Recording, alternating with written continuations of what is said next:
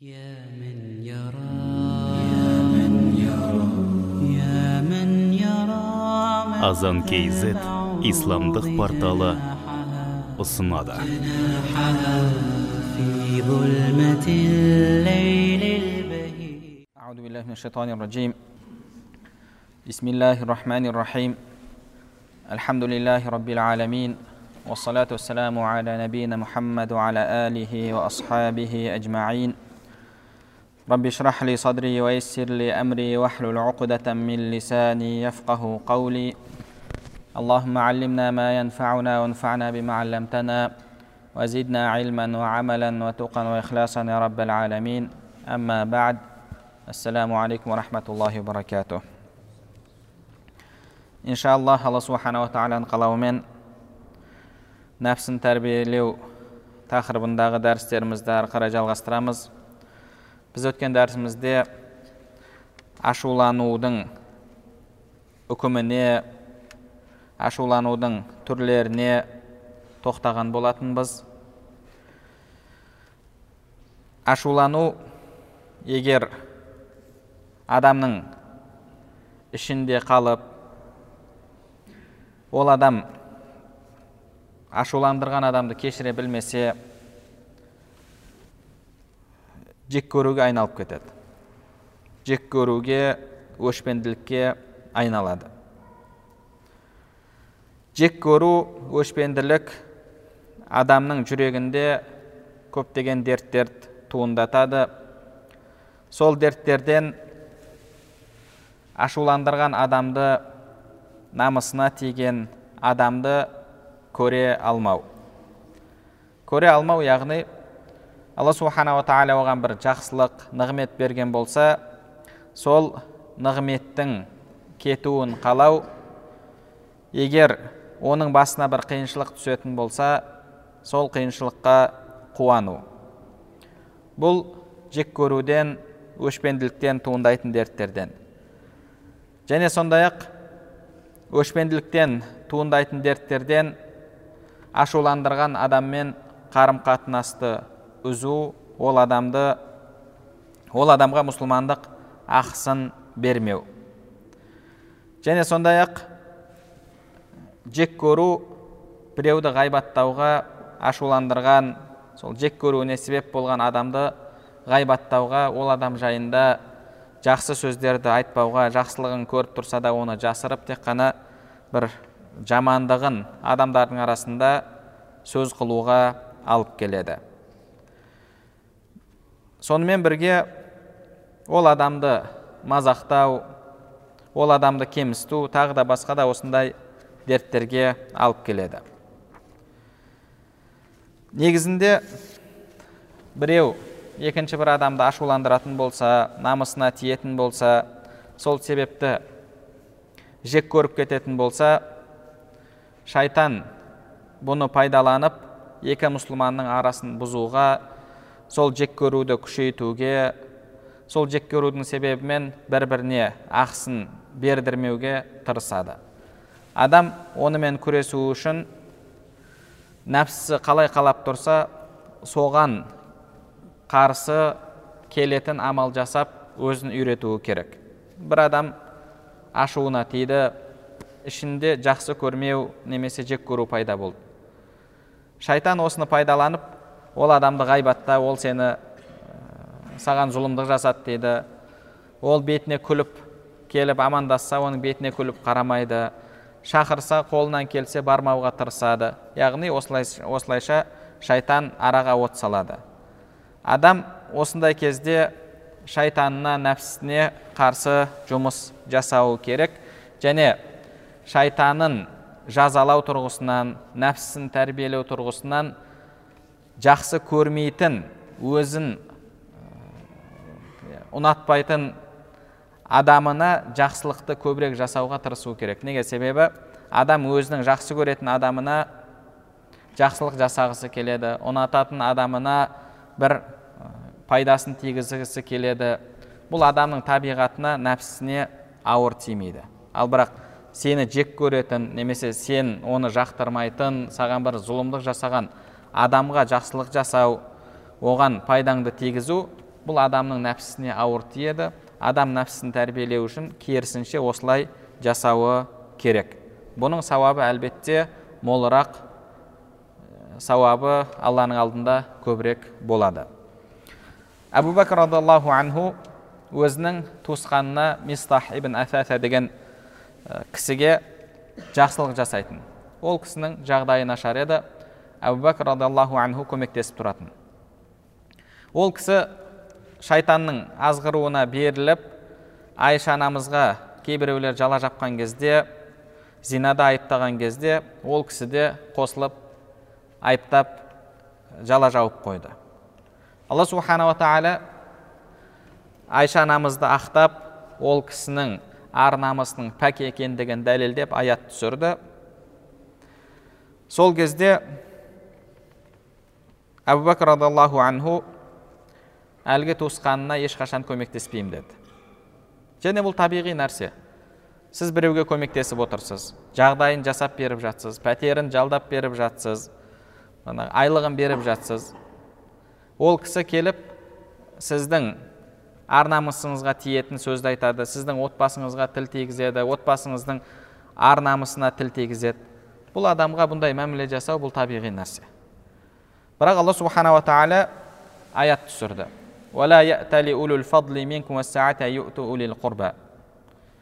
Сендерден араларыңнан қолында дүниесі болғандар алла дүние мал мүлік жақсылық бергендер өздерінің туысқандарына көмектесулерін тоқтатпасын деді. Кешіріңдер кешірімді болыңдар алла сендердің күнәларыңды кешіргенін қаламайсыңдар ма? деген аят түсті. Сонда әбу бәкір радиаллаху анху иә алла тағаланың біздің күнәларымызды кешіргенін қалаймын күнәмді кешіргенін қалаймын деп өзінің қызына тіл тигізген қызының ар намысына тіл тигізген туысқаны тағы. Ұзақ адам болса ол тағы бір өз алдына бір бөлек, бөлек мәселе еді. Туысқаны бола тұра. Тіл тигізген адамды кешіре біліп оған ары қарай жасаған жақсылығын жасап жатқан жақсылығын жалғастырған еді. Иә біз де осылай жасайтын болсақ әлгі жүрегіміздегі жек көруді жеңе аламыз. Жек көруден туындайтын дерттерден бұл көре алмау. Яғни ашуланудан жек көру туындайды. Көп жағдайда бұл бастықтарға немесе өзінің өзінің үстінен қарап тұрған адамдарға қатысты болады. Неге? Себебі үстінен қараған адам ашуландырған кезде қол астында істейтін адам оған ешнәрсе айта алмайды. Ашуының бәрін ішінде жұтады да жұтып жұтып жүріп ішінде жақтырмау пайда болады жек көру пайда болады. Сонымен ар жағында ол көре алмауға өтеді. Бастығы ауырып қалыпты десе мына жақта жатып қуанады. Үйінде мынандай болып қалыпты десе қуанады. Бағана машинасын соғып алыпты десе мына жақта жатып алып қуанады. Неге себебі? Оған ұрсады ашуына ашуын келтіретін намысына тиетін сөздер айтады. Сонымен жүрегінде жек көру пайда болды. Яғни әлбетте бұл көре алмаудың жалғыз себебі емес бірақ көре алмау кейде жек көруден келіп туындайды. Ал жек көруге біреудің сізге зұлымдық жасауы сізді ашуландыруы себеп болады. Жек көру көре алмау бұл да адамның жүрегін құртатын адамның жүрегін бұзатын дерттерден. Пайғамбарымыз саллаллаху алейхи уассалам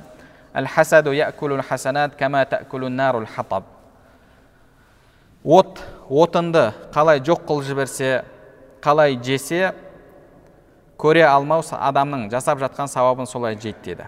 Яғни сіз мына жақтан намаз оқып жатсыз ораза тұтып жатсыз аллаға мақтаулар айтып алланы зікір етіп жатсыз бірақ екінші жақтан біреулерді көре алмайсыз жақтырмайсыз.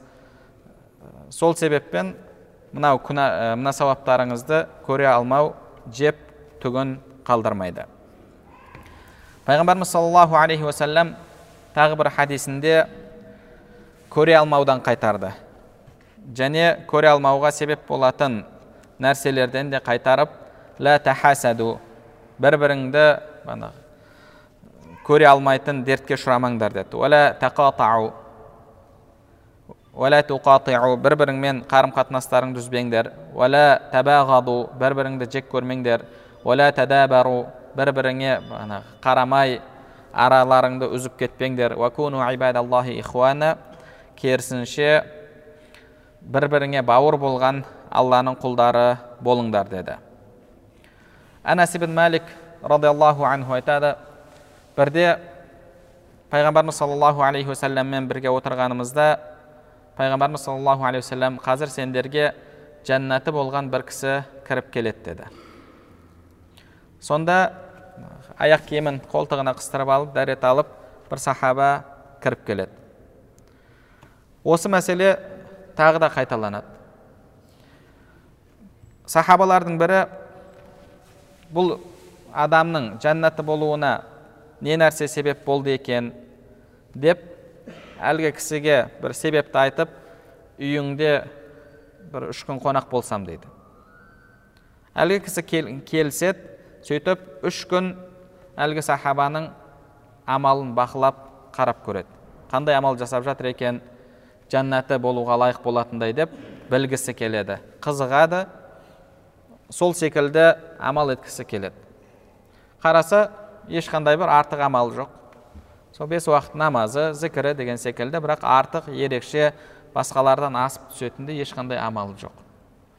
Үшінші күні әлгі сахаба айтады негізінде мен мына себепті саған үйіңде болу үшін амалыңды бақылау үшін ғана айтқан едім.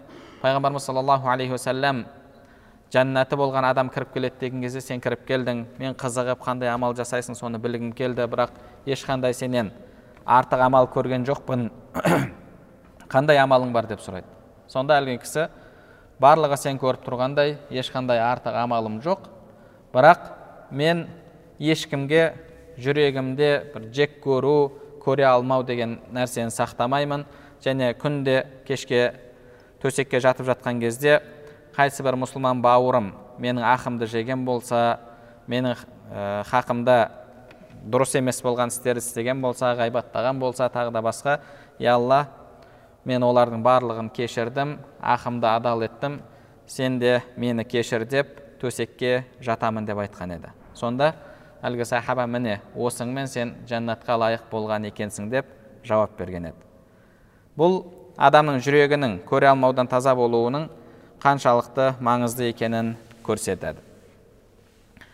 Пайғамбарымыз саллаллаху алейхи вассаламнан риуаят етілетін хадистерден үш түрлі нәрсе бар одан адамдар құтыла алмайды деді хасад біріншісі күмәнға түсу екіншісі бір нәрседен яғни бір бір нәрсе көрген кезде осыдан бір жамандық шығып, шығып қалады ма бір нәрсеге белгі ма деп ырымдау үшіншісі әл хасад көре алмау деді. Одан шығатын жолды сендерге айтып берейін деді. Біріншісі егер бір ойға күмәнға түсіп қалатын болсаң оны ақиқатқа айналдырма деді. Бір адам жайында жаман ойға келіп қалдың. Бірақ сенде ешқандай нақты дәлел жоқ.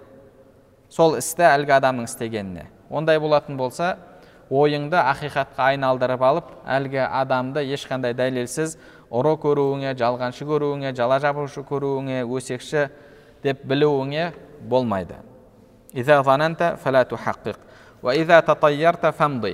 Екіншісі бір нәрсені ырымдап қалу. Үйіңнен шықтың шығып бара жатқан кезде аяғың тайып кетіп құладың. Көлігің жанына барып қалып едің жел шығып кетіпті.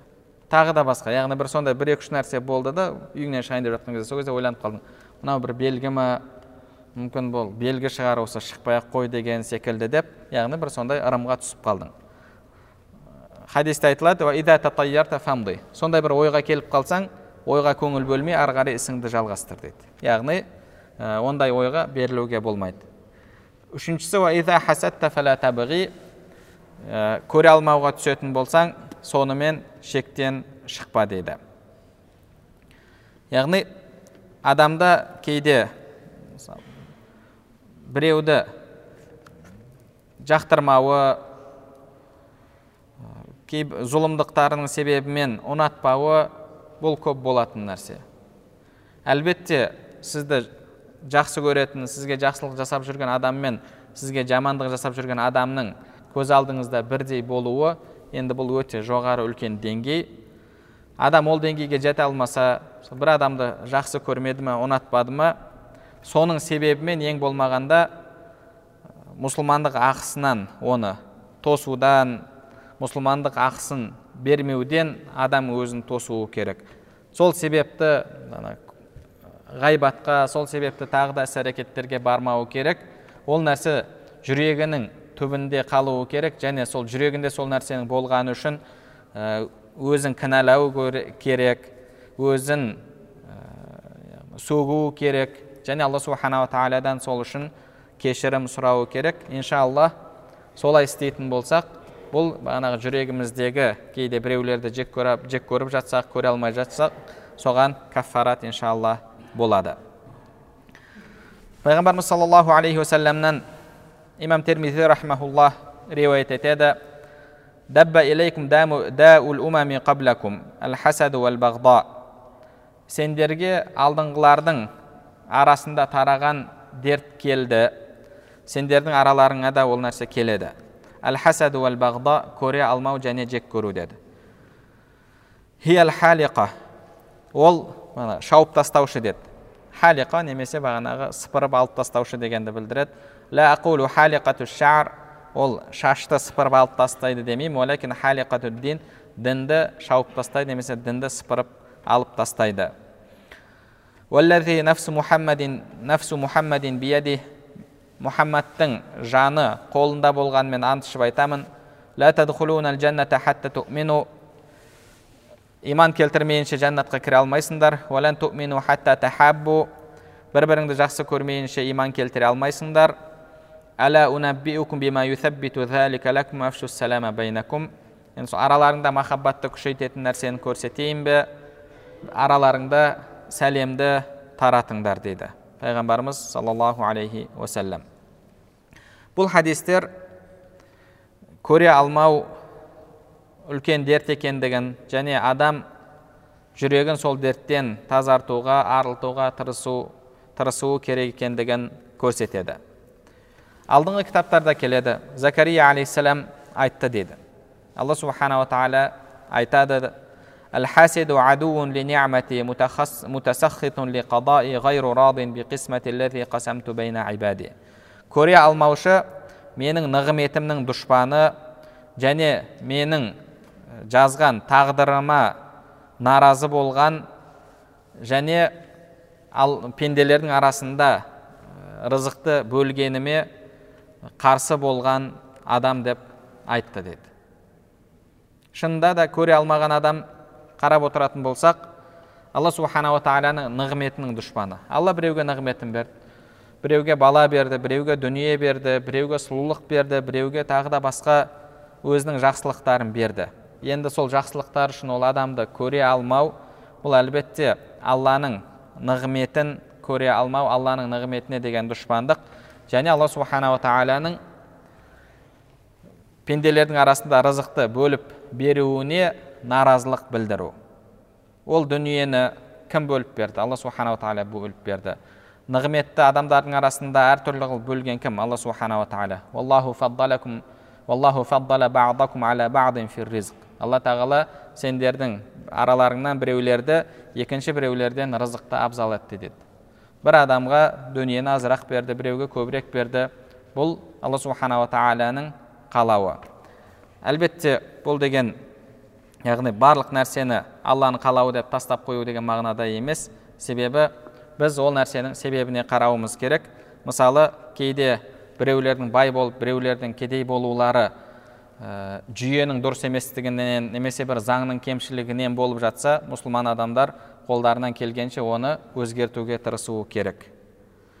Ә, ал енді барлық жағы дұрыс болып жатса одан кейін барып адамдардың табысы әртүрлі болып жатса әлбетте бұл алланың қалауы. Яғни бір адам бір базарда тұрған адамдардың өзінде де біреуінің тауары көбірек өтуі мүмкін екіншісінің тауары азырақ өтуі мүмкін.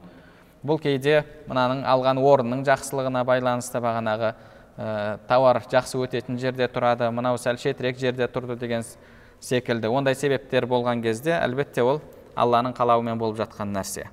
Ондай кезде алла субханала тағала біреуді екінші біреуден артық етсе ол үшін жек көруге болмайды. Ғұламалардан келетін сөз бар. Алланың нығметтерінің дұшпандары бар деді. Олар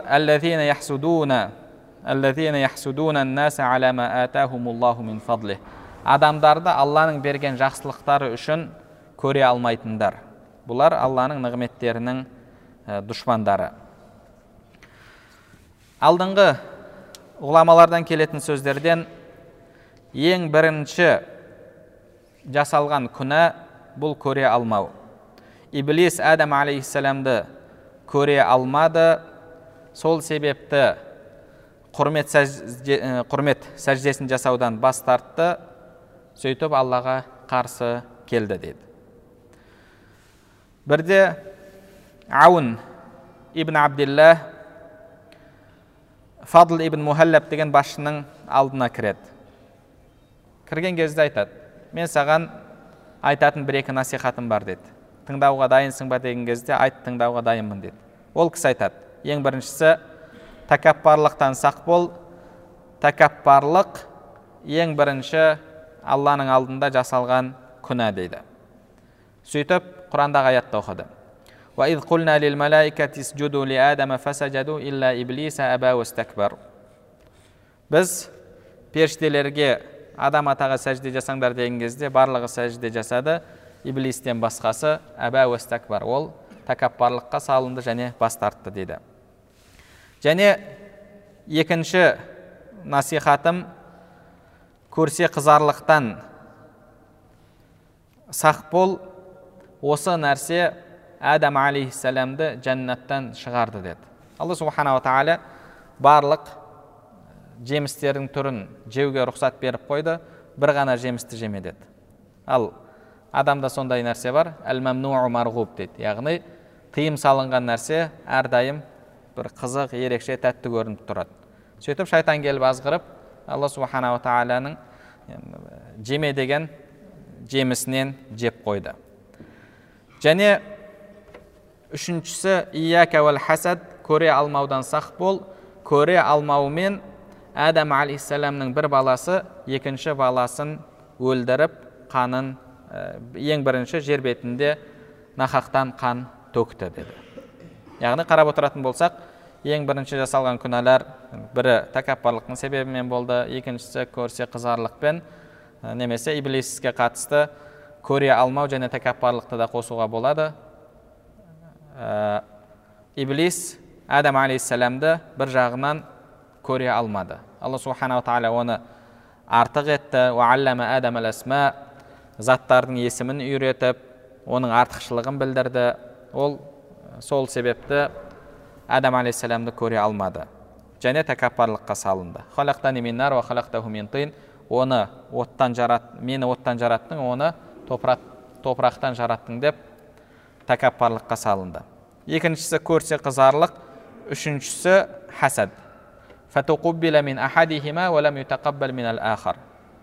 Екеуі құрбандық шалған кезде біреуінен қабыл етілді. Адам алейхисаламның бір баласынан хабелден қабыл етілді. Қабелден қабыл етілген жоқ. Сонымен ол көре алмай мен сені өлтіремін деді. Ал енді кейбір нелерде келетіндей мынаның қарындасы сұлуырақ еді мынанікі сұлуырақ емес еді сонымен сол себепті деген секілді нәрсе бұл. Әлбетте бұл әлсіз риуаяттар болып келеді. Адам көре алмаудан міндетті түрде сақ болуы керек. Бикр ибн абдилла рахмаулла риуаят етіп айтады. Алдыңғы уақыттарда бір кісі болған патшаның жанында әрдайым жүретін деді патшаның жанында жүріп адамдардың жанына келген кезде әхсен иләл мухсин би деген сөз айтатын. Жақсылыққа жақсылығын қайтар ал жаман жамандылық жамандық жасаушының жамандығы өзіне жетеді деген сөзді айтатын. Яғни қарап отыратын болсақ кейде ә, киноларда да көріп жатамыз патшаның жанында бір адам жүреді адамдардың арасына келген кезде әрдайым бір сөздерді айтып тұратын адамдар болады. Бұл кісі адамдардың арасына келген кезде осындай сөз айтады екен. Әхсен иләл мухсини би ихсани жақсылық жасаушыға жақсылығын қайтар жақсылық жаса фа иннал мусиа сатакфихи исаату жамандық жасаушыға жамандығы жетеді жамандығының өзі оған жетіп артады деген сөзді айтады екен. Солай жүргенін әлгі адамның бір кісі көре алмайды. Көре алмайды да патшаға барып айтады. Мына адамды сен жаныңда алып жүресің. Ол адам жүрген жерінде патшаның аузы сасық патшаның аузы сасиды деп айтып жүреді деді. Ол солай ойлайды өзі де дейді қайдан білемін мен сенің сөзіңнің шын екенін дәлелдеп бересің бе? деген кезде сенің жаныңа келген кезде шақыр шақырып өзіңе жақындат та сөйтіп сөйле. Сол кезде ол мұрнын жабады дейді. Аузын мұрнын жабады. Себебі ол сенің аузыңды сасық деп біледі дейді. Патша ойланып қалады да жарайды дейді. Әлгі кісі жариялап әлгі сөзді жариялап жүретін адамға барады да жүр үйге қонақ болып кет деді патшаға барудан алдын. Үйіне апарады да жақсылап чеснокпен тамақ береді. Сарымсақпен тамақты жеп алады. Чеснокты араластырып сөйтіп патшаның алдына барады. Енді шайнап артынан ана шайнап жіберетін орбит дейді ол кезде жоқ. Сөйтіп жанына барған кезде патшаны шақырады бері келші деді. Бір нәрсе айтқан сияқты болып сонда аузымдағы чесноктың сарымсақтың дәмі патшаға бармасын иісі бармасын деп аузын жауып жанына келеді. Ана ойланып қалады е мынау шынында да ә, мені осындай деп ойлайды екен ғой деді. Сөйтеді да хат жазады өзінің қызметшісіне. Хат жазып мынау кім кісі хатымды алып барса мынаны бауызды терісін сыпырып ал да терісіне сабан тық дейді. Сөйтіп жазала деп беріп жібереді. Ал ол патшаның негізгі әдеті біреуге хат, хат жазатын болса тек қана жақсылық жасау үшін бана хадия беру үшін жазады екен. Әдеті сондай екен. Бірақ ана кезде ашуланып кетеді да әлгіндей нәрсені жазып қолына беріп жібереді. Анау қуанып маған хадия берді маған бір жақсылық жасайын деп жатыр екен деп алып алып кетіп бара жатқан кезде әлгі тамақтандырған көре алмаған адам шығады. Қарайды қараса тірі қолында керісінше ана хат бар. Мынау не хат десе патша берді дейді барлығы біледі патша қолымен хат жазып жіберсе тек қана сыйлық беру үшін жазып жіберетіндігін көре алмай кетеді тағы да. Маған берші маған берші дейді ана ойында ешнәрсе жоқ жарайды дейді сөйтіп алып алып подарка алатын жерге барып тапсырады. Ішін ашып қараса мынаның хатпен келсе басын шауып таста да терісін сыпырып терісіне сабан тығып таста деген хат тұр. Мына жерде осылай жазылып тұр деп ананы ұстап алады. Жоқ бұл менің хатым емес жүр маған емес негізі басқа біреуге берілген жүр дәлелдеп берейін десе жоқ патшаның хаты келген кезде ол қайтарылмайды дейді да басын шауып тастайды. Бұйырғанын істейді. Әлгі кісі қайтадан патшаның жанына барады. Таңқалып қалады патша. Мен мынаны өлтіруге жіберген едім ғой дейді сен әлі тірісің ба десе иә тірімін ана хатым не болды деп еді? Хатыңды шыққан кезімде пәленші қолымнан алып кетті осылай деді дейді сол адам сен туралы осылай деді ғой деген кезде жоқ мен олай айтқан емеспін деді. Онда неге аузыңды жаптың деген кезде саған келе жатқан кезімде мені сарымсақпен тамақтандырған еді. Соның иісі сіздің мұрныңызға бармасын деп аузымды жаптым деді. Сонда патша күледі ахсин илал мухсини би ихсани бағанағы жақсылық жасаушының жақсылығын қайтар. Ал жамандық жасаушының жамандығы өзіне жетіп артады деп өзінің сөзін айтып күледі де арқасынан қағып ары қарай жанында ә, ұстап жүрген екен деп осындай бір оқиғаны риуаят етеді. Яғни бұл адам жамандық жасайтын болса біреуді көре алмайтын болса әлбетте ол өзіне қайтатындығын білдіреді имам ибн сирин рахимахуллах айтқан екен ешқандай бір адамды дүние жақсылығы үшін көре алмаған емеспін дейді яғни ондай хасад ауруына түскен емеспін لأنه إن كان من أهل الجنة فكيف أحسده على الدنيا وهي حقيرة في الجنة егер ол жәннат иелерінен болатын болса мен не үшін оны дүние жақсылығы үшін көре алмаймын? Жәннат оның жанында қанша ұлық емес па дүние деген еш нәрсе емес қой деді ол жәннат иесінен болатын болса жәннаты болатын болса жәннат бұл дүниеден миллион есе артық. Онда болмашы дүние үшін не үшін оны көре алмаймын? Ал егер ол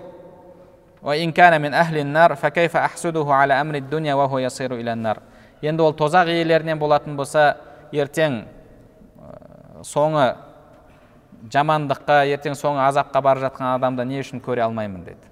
Яғни бағанағы дүниесі мысалы тасып жатқан адам рак ауруымен ауырып жатыр қиналып жатыр біраз күннен кейін өледі. Ол адамды яғни ешкім көре алмай ондай нәрсеге түспейді. Неге себебі біледі ол бірнеше күннен кейін өлетіндігін. Оның халіне ешкім хасад жасамайды.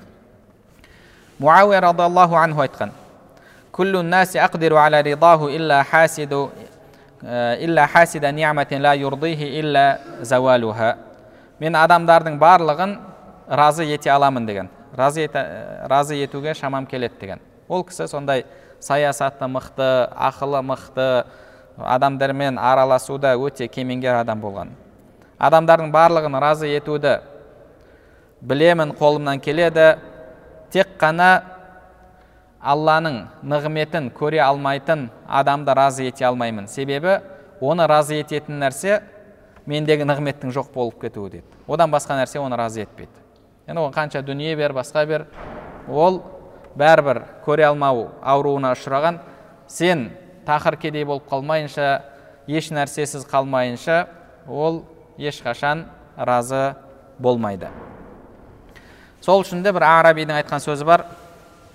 Енді арабидан бұрын муауия радиаллаху анху жайында риуаят етіледі аллаху енді қаншалықты рас екендігін бірде бір ұстаздың лекциясынан тыңдаған едім бір алдына бір адам кіріпті дейді кіріп әсәлука би қараба деген арамыздағы туысқандықтың құрметіне сұраймын маған дүние бер көмектес дейді арамызда қандай туысқандық бар дейді әкең аты кім пәленші анаң аты кім түгенше муауия радиаллаху анху әнсәп дейді яғни бағанағы өзінің шежіресін өте жақсы білетін адам болған. Қарайды ойланып қарайды анау ана атасынан тараған мына атасынан тараған барлығын іздеп қарайды да ондай адамды кездестірмейді. Сөйтеді менің нелерімнің арасында жоқсың ғой дейді.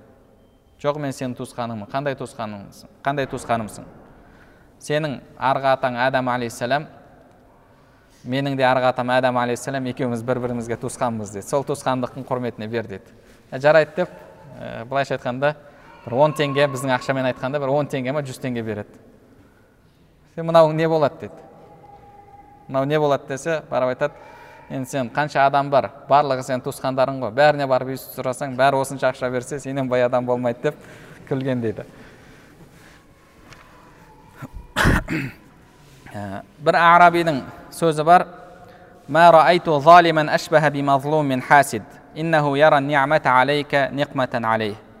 мен залым бола тұра зұлымдыққа ұшырап жүрген адамға ұқсайтын ешқандай адам көрген жоқпын көре алмаушыдан басқа деді көре алмаушы көре алмаушы залым бола тұра зұлымдыққа ұшырап жүрген адам сияқты деді алланың саған берген нығметін ол ол үшін ол қиналады жүрегінде бағанағы көре алмайды. Сенің саудаң жүріп кетті. Сөйтіп бір айдан кейін көлік алдың. Ананы көреді де үйінде жатып алып ана давлениесі көтеріле береді. Бұл машина алды ай деп жүрегі ауырады бағанағы валерьянкасын ішіп. Сөйтіп ертеңінен тағы да саудаң жүрді да үйіңді көтердің. Үйің жанынан өтіп бара жатты да үйің көтеріліп жатқанын көрді да ол. Тағы да давлениесі көтеріліп сен қалтаң оның қалтасынан шығып жатқан жоқ оның дүниесін тартып алып жатқан жоқсың тағы да көре алмайды тағы да жүрегі ауырады. Тағы басқа болса тағы да жүрегі ауырады. Яғни өзі залым. Бірақ сырт көзде қарасаң бір зұлымдық шегіп жүрген адамға ұқсайды. Сол үшін де бір арабтың ақынның айтқан сөзі бар. Деді қарасаң көре алмау деген қандай әділ нәрсе деді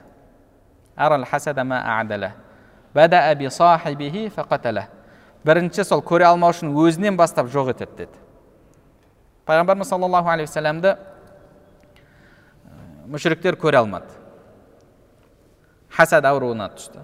Бірақ пайғамбарымыз саллаллаху алейхи вассаламнан пайғамбар саллаллаху одан ешқандай бір зиян болған жоқ. Алла субхана тағала пайғамбарымыздың дәрежесін арттыра берді. Әргілі әлгілер көре алмай қиналып өзімен өзі өзін жоқ етеді яғни ол өзін ауру етеді өзінің давлениесін өзі көтереді. Хасад сондай нәрсе кім, кімде кім хасад ауруына ұшырайтын болса ол сол ауру үшін өзін өзі жазалайды. Себебі ол үйінде жатып көре алмай көре алмау деген яғни жүрегі сығылады мазасы қашады. Бірақ оның зияны өзіне келеді. Хасад деген бір жағынан қарайтын болсақ сондай әділ нәрсе. Жалпы хасад дегеніміз не? Хасад бұл алла субханала тағала біреуге жақсылық берген кезде сол жақсылыққа қатысты сізде болатын нәрсе. Егер алла субханала тағала бір бауырыңызға жақсылық берсе сіз екі халдің біреуінде боласыз екі жағдайдың біреуінде. Соған келген жақсылықты жек көресіз және осы жақсылықтан алланың берген нығметінен айырылып айырылып қалса екен махрұм болып қалса екен деп тілейсіз.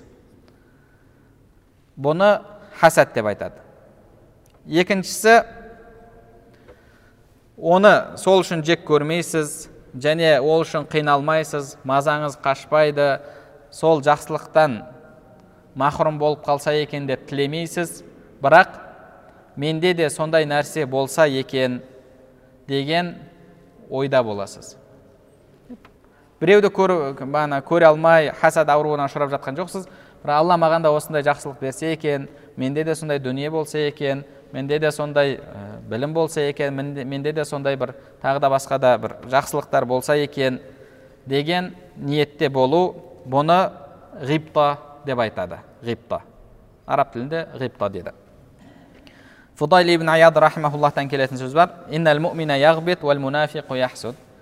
мүмин адам ғипта жасайды дейді ғипта яғни бағана қазір біз айтқан нәрсе ал мұнафиқ хасад жасайды дейді біріншісі бірінші қазір біз айтқан хасад яғни алла субханала тағала біреуге жақсылық берген болса байлық берген болса нығмет берген болса соны жек көру сол нығметтің ол адамның қолынан шығып кетуін қалау бұл харам болып есептеледі. Алла субханала тағала құран кәрімде сөгіп жамандығын білдіріп олар адамдарды алланың берген жақсылығы үшін көре алмайды ма деді яғни бұл жерде алла субханала тағала әм яхсудуна деп сұрақ ретінде айтып жатқан кезде негізінде мағынасы сұрақ емес мағынасы бұл жерде сөгу мағынасы қаралау. Себебі кейде сөз сұрақ формасында келеді бірақ мағынасы сөгу қаралау болады. Әлгі сіз біреуге сізді айыптап жатса менен сондай шығады деп ойлайсың ба деген секілді сұрақ қоятын болсаңыз бұның мағынасы ә, формасы сұрақ болғанымен мағынасы сұрақ емес. Яғни қалайша осындай ойға барасың деген мағынадағы сөгу. Алла субханала тағала олар адамдарды алланың берген жақсылығы үшін көре алмайды ма хасадқа салынады ма деп айтып жатыр яғни алла субханала тағала біреуге жақсылық беретін болса байлық беретін болса мансап беретін болса оны сол үшін жек көріп көре алмауға болмайды бір ғана жағдайда бір ғана жағдайда егер байлық бір. Күнәһар адамның залым адамның қолына тиіп сол дүниесін жамандық жолына пайдаланып жатса адамдардың арасында бұзғыншылық таратып жатса мысалы бір бай бұзық әлгі адамдарды бұзатын телеканал ашты. Ішінде адамдарды бұзатын дүниелер. Немесе тағы біреу барды да клуб ашты басқа ашты. Сөйтіп адамдардың арасында жамандықты таратып жатыр. Ондай кезде ол адамнан сол дүниенің кетіп қалғанын қалауға болады. Бұл дүниесіз махрұм болып қалса екен деп қалауға болады. Бұл да болса сол нығметті жек көргендіктен емес алланың берген. Сол нығмет оның қолында жамандыққа құрал болғандықтан да алла субханала тағала бұны тақыр кедей етіп ә, байлықтан айырып тастаса екен байлықтан махрум етсе екен сөйтіп бұл адамдарды азғыруға себеп болмаса екен деп қалауға болады. Бұл да болса алланың нығметін жек көру тұрғысынан емес. Алла субханала тағала кімге қалай қаласа нығметті береді ол үшін адамдарды көре алмауға болмайды. Қашан сол байлық?